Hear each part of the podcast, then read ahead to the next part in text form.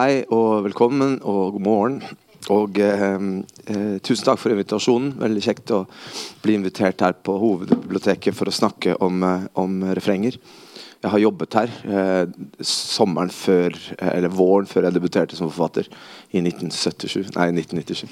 Så, eh, så jobbet jeg her. Jeg vasket gulv her. oppe på, hos toppsjefene.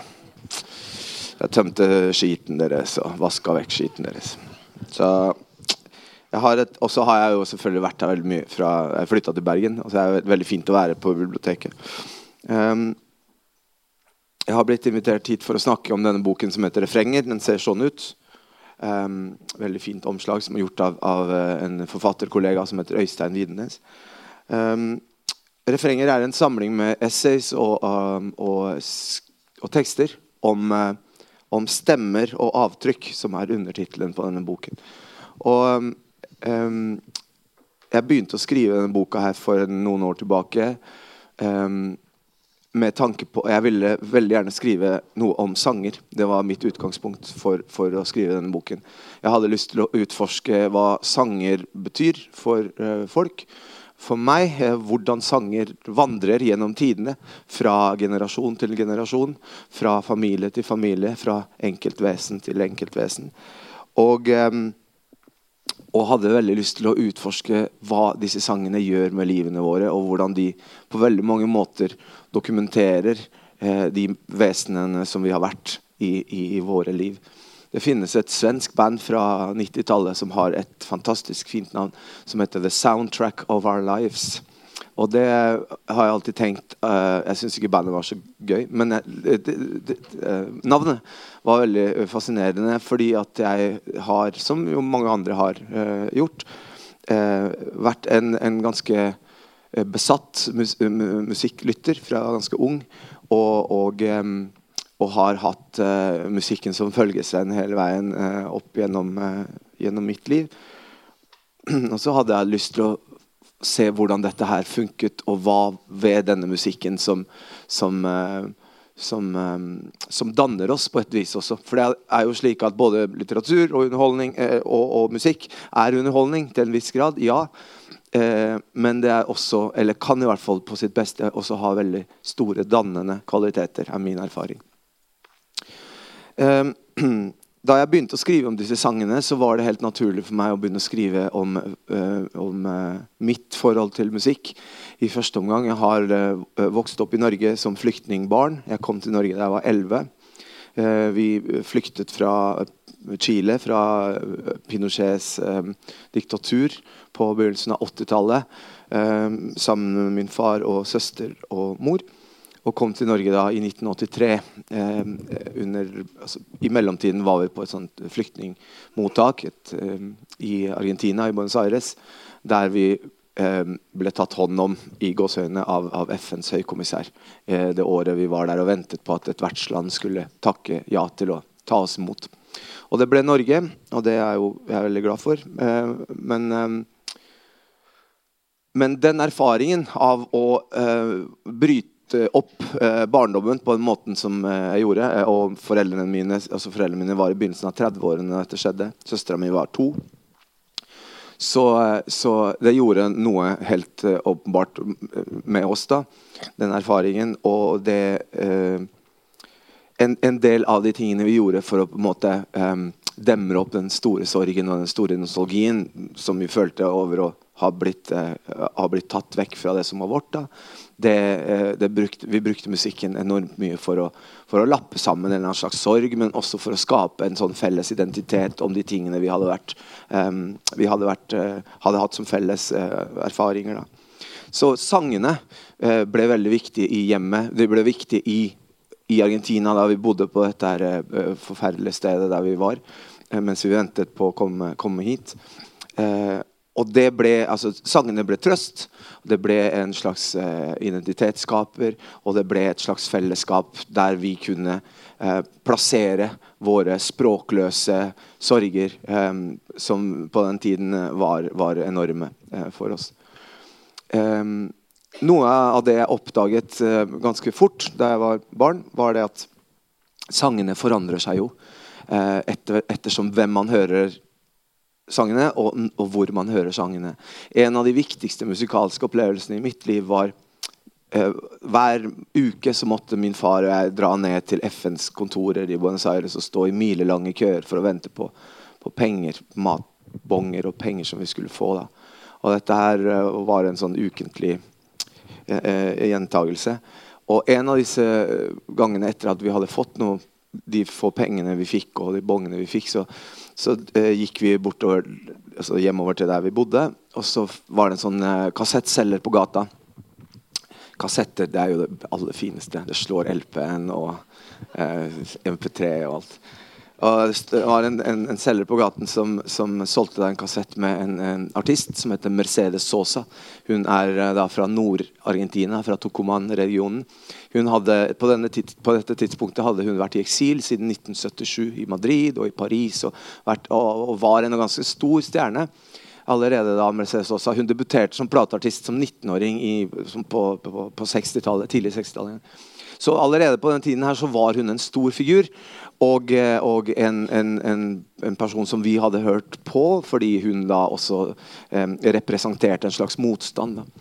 I 1982, da vi bodde i Argentina, så, eh, så da kom Mercedes også tilbake igjen til Argentina og, og, gjorde to konserter på et teater i Buenos Aires. Og den kassetten eh, var noe som hadde eh, gjort et opptak av ulovlig og solgte på gaten. Og min far som da eh, ikke burde ha brukt pengene på noe som helst annet enn mat. egentlig. Han kjøpte denne kassetten med meg, så kom vi hjem til mor og søster. Og så ble den kassetten en sånn besettelse for oss. Vi spilte den om og om og om igjen. Og det som var veldig fint med det, var at eh, hun Sosa hadde blitt en så stor stjerne i Argentina og internasjonalt at det, det argentinske diktaturet som sang på det siste verset i 1982 de kunne ikke uh, true henne med noe som helst. Hun var blitt for stor. En symbol som var blitt for stort til at hun risikerte å bli drept eller å bli, å bli forsvunnet, som det jo gjerne heter, eller het i Latin-Amerika på den tiden. Altså at folk bare forsvant. Og og sang, sangarven hun hadde med seg til disse konsertene Det var jo sensur. ikke sant? Man kunne ikke synge eller spille politiske, altså direkte politiske sanger. var jo forbudt. Og alt dette måtte gjennom sensuren. Men Mercedes Sosa kommer da hjem til Argentina, skadeskutt land. altså i 1982 så var det vel over 30 000 unge mennesker som var blitt drept og forsvunnet eh, siden 76. En hel generasjon unge, unge folk, altså mellom 15 og 25. Um, landet er helt ødelagt. Eh, de, har, de, er i en meningsløs krig med England. Thatcher har jo måttet uh, um, fikse opp i sitt rot der borte, så hun har liksom tenkt at der nede der kan jeg avlede oppmerksomheten. Noe, noe krig er jo enormt bra til å gjøre. Da. Og, um, men Mercedes Sosa kommer da hjem til, til, til Argentina med denne sangskatten, som inneholder hva da? Den inneholder barnesanger inneholder sanger om liksom, den svarte moren som er ute på marken, og, og, og den svarte um, kvinnen som passer på barnet og synger barnesanger. Hun kommer hjem med en sang som handler om en, en, en, fyr som drømmer om slanger. Hun kommer hjem med en sang om Alfonsina Storni, den, den fantastiske argentinske poeten som tar sitt eget liv i 1938. Ensom, ulest. Eh, Um, en kvinne som er stygg, som det står i alle litteraturhistoriene. Oversett kvinnelighet. Alfonsina Storni går i havet. Um, men så kommer med en sang som heter 'Alfonsina og havet', der Alfonsina drømmer seg inn i døden med havhestene sine blant korallrev og alger. Men alle disse tekstene, alle disse sangene på den kassetten og de, de konsertene, de klinger som om de snakket rett på den virkeligheten som skjer i Argentina. Alle vet hva de slangene er som det blir drømt om. Alle vet hvem denne selvmorderen er som går i havet. Usett, glemt, utsatt. Alle vet hvem den derre denne kvinnen som går ut på marken og, og, slaver og jobber for ingenting mens hun hoster og hoster, er. Det fant jeg ut er, var liksom sangens og musikkens store styrke. Det var å kunne si noe om noe, men også om mange, mange andre ting samtidig.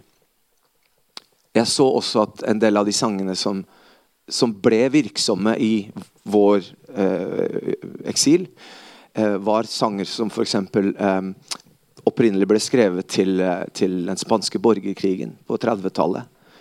Og som hadde ligget som gamle sanger som handlet om Franco-tiden. Og dette her, og som plutselig blir da revitalisert og rekontekstualisert i det nye eh, politiske spekteret.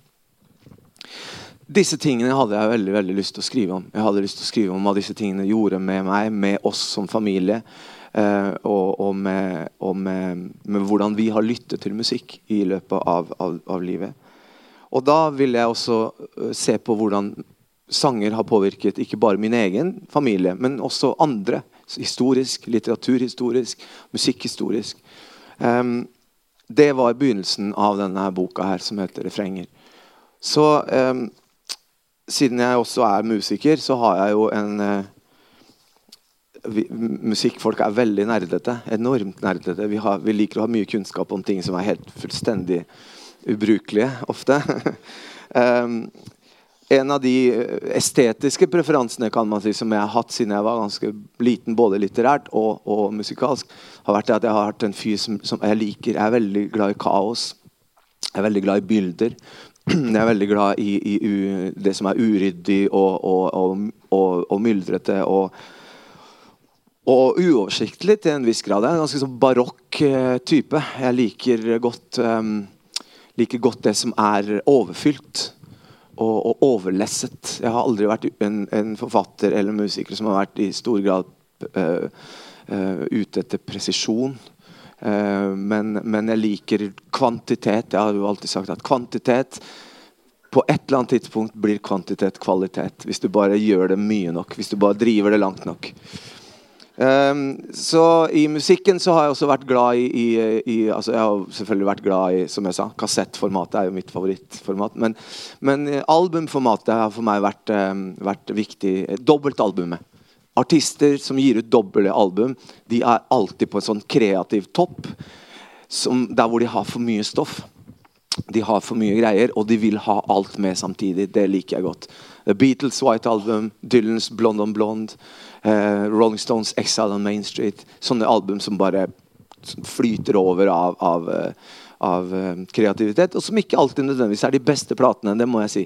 For det, ofte så er det liksom ja, Måtte Ringo ha så mange sanger? Og så, Nei, ja, men det var viktig der og da.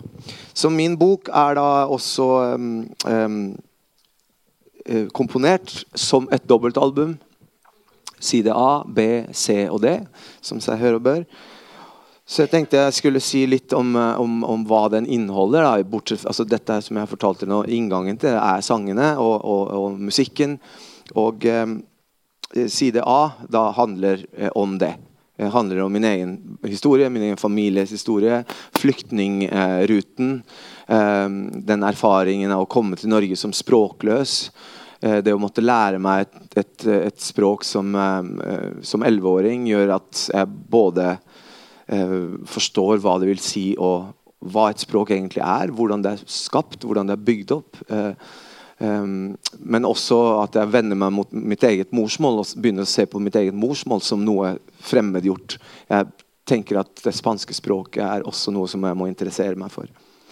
Jeg skriver mye om hukommelse åpenbart eh, en, en, veldig viktig ting for, for, um, for eksilanter og flyktninger. Vi, vi, bruk, vi, har brukt mye tid i familien vår på å fortelle, fortelle, fortelle. fortelle. Og det er den måten man skaper virkelighet på.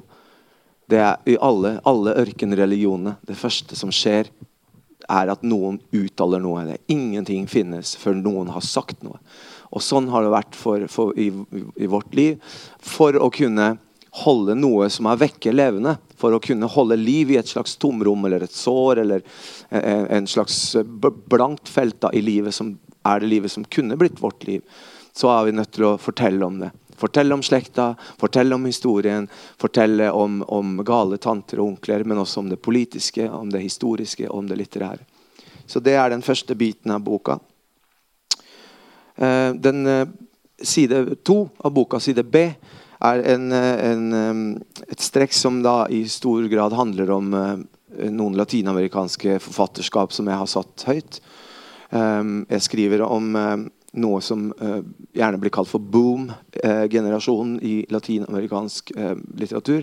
Som da kan sies å være en litterær bevegelse som begynner på midten av 60-tallet, og som varer til, ja, til 80-90-tallet.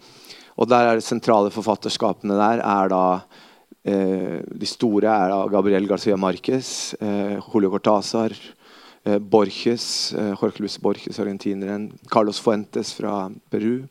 Eh, Mario Vargas Llosa fra, nei, fra, Peru. Carlos Fuentes fra Mexico. Og så finnes det også en, en, en rekke fantastiske kvinnelige forfatterskap, som Elenia Polnatovska fra Mexico. Eh, Clarice Lispector, som nå har fått kjempe, et kjempeløft etter mange mange år i, i, i glemsel, som mange kvinner gjerne opplever. Cristina ehm, um, Rossi fra Uruguay. Jeg skriver en del om den generasjonen som rett og slett bretter ut og får den latinamerikanske litteraturen til å bli fra å være lokal til å bli global. Og dette her som da i dag gjerne kalles for den magiske realismen, kommer jo derfra. Fra en type litteratur som da er som, som skapes i, i sammenstøtet mellom den europeiske, eurosentriske farsarven, som er Amerikas farsarv, altså voldtektens eh, eh, Hvis man tenker på, på, på, voldtekten, så er det da farsarven som blir dominerende. ikke sant? Og så er det den undertrykte morsarven som er det indianske og det, det prekolumbianske. I det krasjet så fødes disse, disse fantastiske bøkene, som både har da modernismen i seg. Store, fantastiske stiløvelser og, og, og, sånt. Og samtidig så har de da det her eh, utforskningen av alt det som er underkommunisert og, og undertrykt, som da går på altså, Overtro heter det når man, når man ikke tror på den ene guden. Uh, overtro, uh, folk som svever. Uh, at skillet mellom liv og død er visket ut, f.eks fabelaktig. Dere kjenner sikkert til disse, disse, en, en, del av disse bøkene. Um, jeg skriver også om, om, en poet som heter Nicanor Parra, en chilensk poet, som da kaller seg sjøl antipoet. Han døde i fjor, 103 år gammel. Det er, må jeg bare si, er godt, godt jobba, onkel. Um, Nicanor Parra døde eh, som antipoet han, eh, da han eh, slo gjennom med sitt storverk 'Dikt og antidikt' på 50-tallet så var det uttalt ambisjon at eh, han skulle være vrangsiden av Pablo Neruda. Og Pablo Neruda som dere kanskje kjenner til, er jo den store dikterhøvningen. Han er en slags kontinental Bjørnson og Ibsen og Obstfeld. Du, hvis du tar alle de og lager en sånn monolitt, så er Neruda liksom en sånn skygge, en skyggeleggende figur. da. Stor poet, fantastisk poet, men også patosfylt. Retorisk, svær. Han har store sveip. Han vil skrive de store kontinentale poesiene om hele Amerikas historie. Han er liksom ikke drøy. da. Man, en man, mannlig uh, selvtillit i bånn. Uh, Nicanor Parra vil da uttalt være vrangsiden av denne tradisjonen. Og han vil skrive om kaffekopper, om fiskemiddager. Han vil ta det hele ned. eh, et hakk, da. Eller hundre hakk. Eh, poet som har vært veldig viktig, viktig for meg. og den Teksten skrev jeg da rett etter at han døde. Jeg skriver også både om og, og to andre forfatterskap som veldig med, med, fokuserer veldig mye på vold. og Det er da Roberto Bolanio, som er den mest kjente av de, en chilensk forfatter som døde i 2003. Og så er det en eh, guatemaltekisk forfatter som heter Horacio Castellanos Moya. Alt dette her er oversatt til norsk, eh, de bøkene jeg skriver om. Um, og den siden der, B-siden, sluttes da med et essay der jeg forsøker å bruke Medusa-myten til å se på eh, den latinamerikanske volden, særlig disse her kvinnemordene i Mexico, som da eh, er, eh, har fått pågå siden 90-tallet. Flere tusen, flere tusen flere tusen unge, unge, kvinner, fattige unge kvinner som blir funnet drept og maltraktert og grovt, grovt uh, skjendet eh, i altså, 30 år. Ingen har blitt dømt for det. Det fins ingen som vet hvordan det her skjer. Systematisk, eh, systematisk vold som er fremmed og grusom. Jeg forsøker å gjøre Medusa-myten virksom i møte med den typen overskridende vold ved å belyse Vi har jo alle hørt om Medusa-myten, i hvert fall sånn som jeg lærte Medusa-myten, så, så begynner den med at Medusa allerede er et monster. Og Persevs, den, altså, den unge halvguden, eh, han skal ut og, og drepe monsteret. Det er sånn historien fortelles. Men historien begynner jo lenge før det. og Historien begynner med at Medusa er jo en vakker lybisk pike. Av og til så er hun en prinsesse, av og til så er hun bare en, vanlig jente. Vakkert hår. Nydelig. Poseidon, Havguden Poseidon han syntes eh, dette her var fabelaktig, så han voldtar henne rett og slett på Athenes alter eh, i tempelet. Når Athene finner ut av dette, her, så er det jo ikke Poseidon som får kjeft. Det er jo Medusa som blir dømt til ikke bare forvandles til det styggeste kreaturet i verden, men også til den ytterste ensomheten, som er det at du kan aldri lenger se på noen For, for da vil de menneskene bli forsteinet, og de vil dø. Som jo er man, Det er derfor Perseus bruker et skjold for å ikke se rett på Medusa. Jeg forsøker å bruke denne myten for å se på for det første på det, hvordan denne overgangen fra voldtektsoffer til monster skjer. Hvordan hvordan er, hva er de mekanismene som gjør at det faktisk er den voldtatte, den skjendede, den fattige, den utsatte som blir et monster i våre samfunn? Og Jeg tror det har med penger å gjøre, jeg tror det har med økonomi å gjøre. Det, jeg tror det har med oss vesener som ikke skaper noe, som ikke produserer noe, som heller ikke konsumerer noe. Det er monstrene eh, som vi egentlig rett og slett bare kan halshogge. Det er utbyttbare, utbyttbare entiteter. Så Medusa-myten har vært viktig for meg i den delen. Den B-siden av boka mi handler jo veldig mye om vold. Og, og, og, da var det viktig for meg å forsøke å speile den volden som jeg har lest om, og som jeg interesserer meg for, i, i, i denne Medusa-myten. Og forsøke å gjøre en del differensieringer. Jeg, har tenkt f.eks. mye på at eh, jeg gjør forskjell på det som er frykt. Altså det, når man er redd, så løper man. Frykten eh, skaper bevegelse. Hvis du er redd, så løper du. Men hvis du blir skrekkslagen, så fryser du. Det er to forskjellige måter å, å, å møte uh, grusomheter på. Og Medusa er jo selvfølgelig altså det som kalles for petrified, eller forsteinet. I, i, uh, i, um, I, etymologien så har dette med frysning og altså rett og slett det å få å bli paralysert. Paralysen som ubevegelighet. Side C i boka den, eh, det er den delen som uh, kanskje mest eksplisitt handler om musikk. Den, han, den åpner med et langt essay om barnesanger. Om båndsuller og nattasanger. Og, og, og søvnfigurer. Hvordan, den handler om hvordan vi synger til våre barn, og hvordan vi har blitt sunget for av våre foreldre. I hvilken grad sanger og historier og fortellinger og eventyr eh, overleveres fra generasjon til generasjon. Og eh, hvordan disse møtene med poesi og fortelling ja, da gjerne er de første møtene med vår folks kultur. ikke sant? Jeg skriver også om hvordan disse barnesangene, om opprinnelsen av de, hvordan de forandrer seg, hvordan en eh, protestvise som Bæ bæ, lille lam eh, går fra å være en protestvise mot skatteleggingen av, eh, av vanlige folk i England på 1600-tallet til å bli en barnesang i Skandinavia på, på, på 1980-tallet, da jeg først møtte den uh, her. Overgangene. Jeg skriver om nar narco-corridos. Altså, corridosen er en meksikansk musikksjanger som da har veldig mye av den uh, altså meksikanske folkemusikken i seg, men som da på et eller annet tidspunkt på 1800-tallet, da keiser Maximilian fra Østerrike, som også var keiser i Mexico, reiser til Mexico og har med seg da datidens polka, som da er hotteste, den hotteste hoffmusikken i, i, i Europa. Og da, når polkaen kommer til Mexico og gifter seg med den meksikanske musikken, så oppstår da mange musikkformer, deriblant corridosen. Som i dag brukes da av eh, veldig mange narkobaroner som bestiller corridos i, eh, til store, store, kjente orkestre. Det er som om, som om man skulle hatt sånne banditter i Norge som bestilte sanger av DDE. Ja, du må skrive en sang om meg eh, og alt jeg har gjort for eh, Bergens sentrum. Jeg har liksom sponsa kode og greier. Og jeg har tatt livet av en del folk, men det trenger du ikke å si så mye om.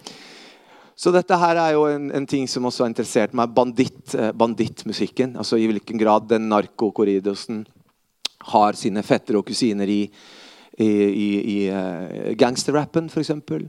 Men også i den country, altså outlaw-balladen. Altså alt dette som skjer på 60-tallet, med den glorifiseringen av, av den kontrære bandittfiguren.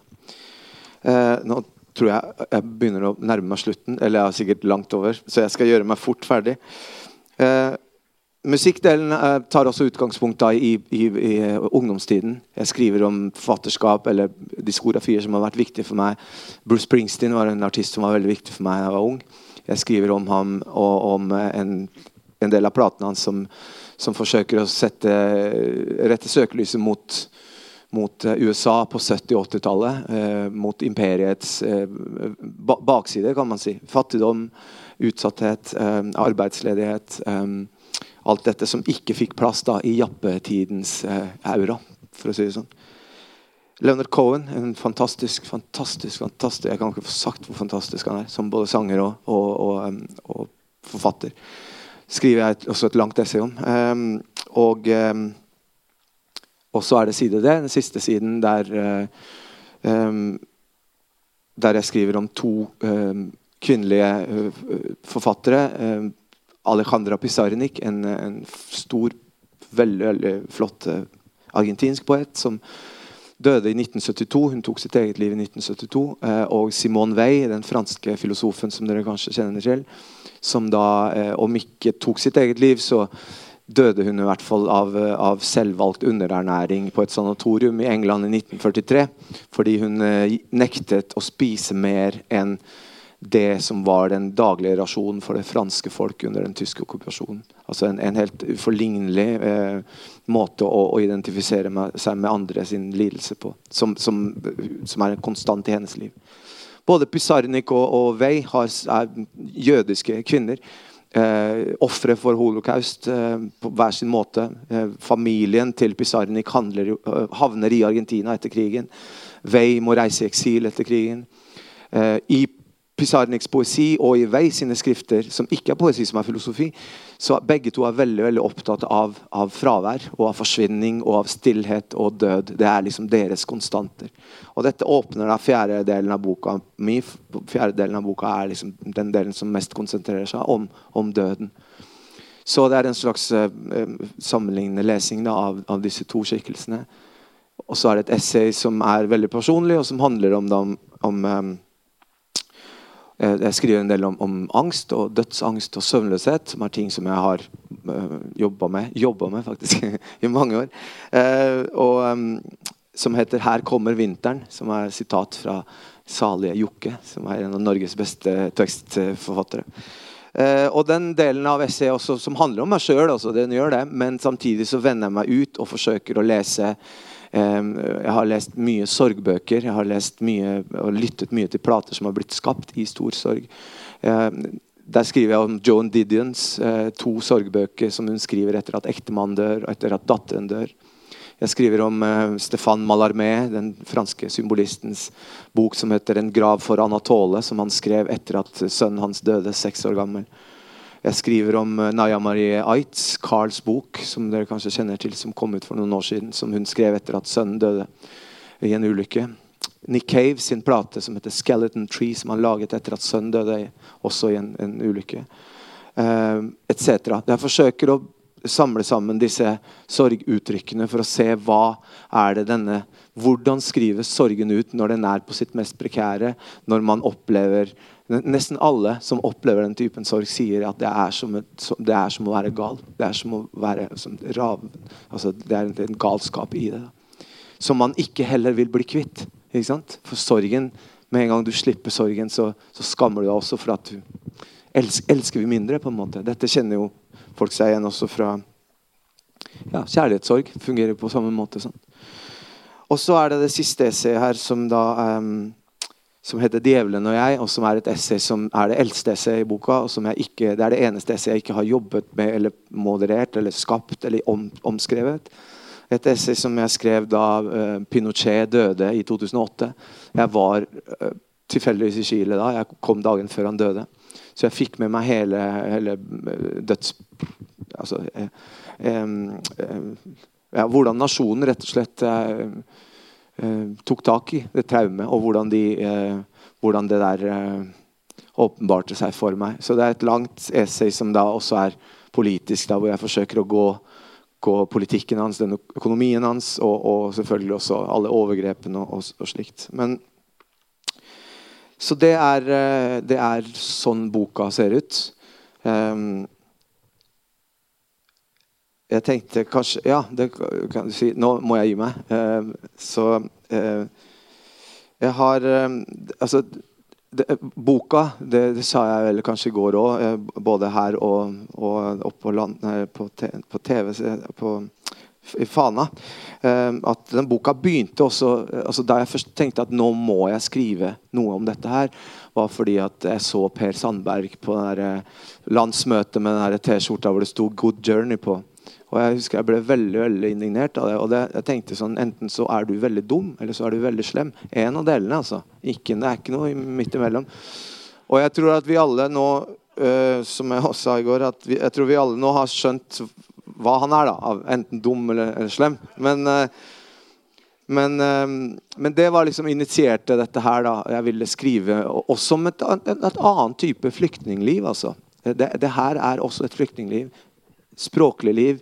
Et liv som, er, eh, som har begge beina i litteraturen, men som lever da også i, i spagaten. Da. Jeg har alltid levd et sjeløyd liv. Da. Jeg vil bare avslutte med en bitte liten tekst der. Jeg ville skrive en kronikk om dette nemlig til VG, husker jeg. Etter at han uh, gikk med en T-skjorte der. Og så begynte jeg å skrive, men det, det, gikk jo ikke. Det kom helt andre ting ut. Så. Jeg fikk aldri skrevet den kronikken. Jeg prøvde, men så stoppet språket opp.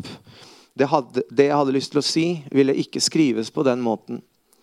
Så jeg skrev dikt i stedet. Jeg skrev dikt om en gutt som ser en hengt prest. Om en mann som blir funnet uten hode i en grøft.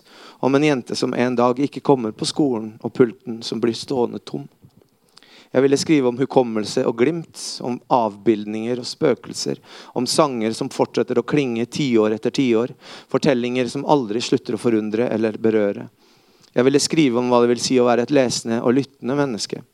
Å skrive om bruddstykker, minner, personlige, private nedslag, men også si noe om disse tingene i relasjon til plater og bøker og gjenfortellinger, historie, ja, til verden. Jeg tror ikke på datostempler. Jeg tror ikke at de tingene man en gang elsket, forsvinner etter hvert som man vokser til og begynner å like andre ting. Det er et kunstsyn eller et livssyn, som hevder at man bør komme seg videre. At utvikling er bedre enn innvikling. At fremtiden er bedre enn fortiden. At det nye er bedre enn det gamle. Men jeg tror ikke at André Breton er Abraham. Og jeg tror heller ikke at bestemoren min er dummere enn meg bare fordi hun ikke hadde sko eller Internett. Jeg spør meg selv stadig, som Sara Stridsbergs Medea gjør, hva skal vi med kjærligheten om den ikke varer evig? Tusen takk for meg.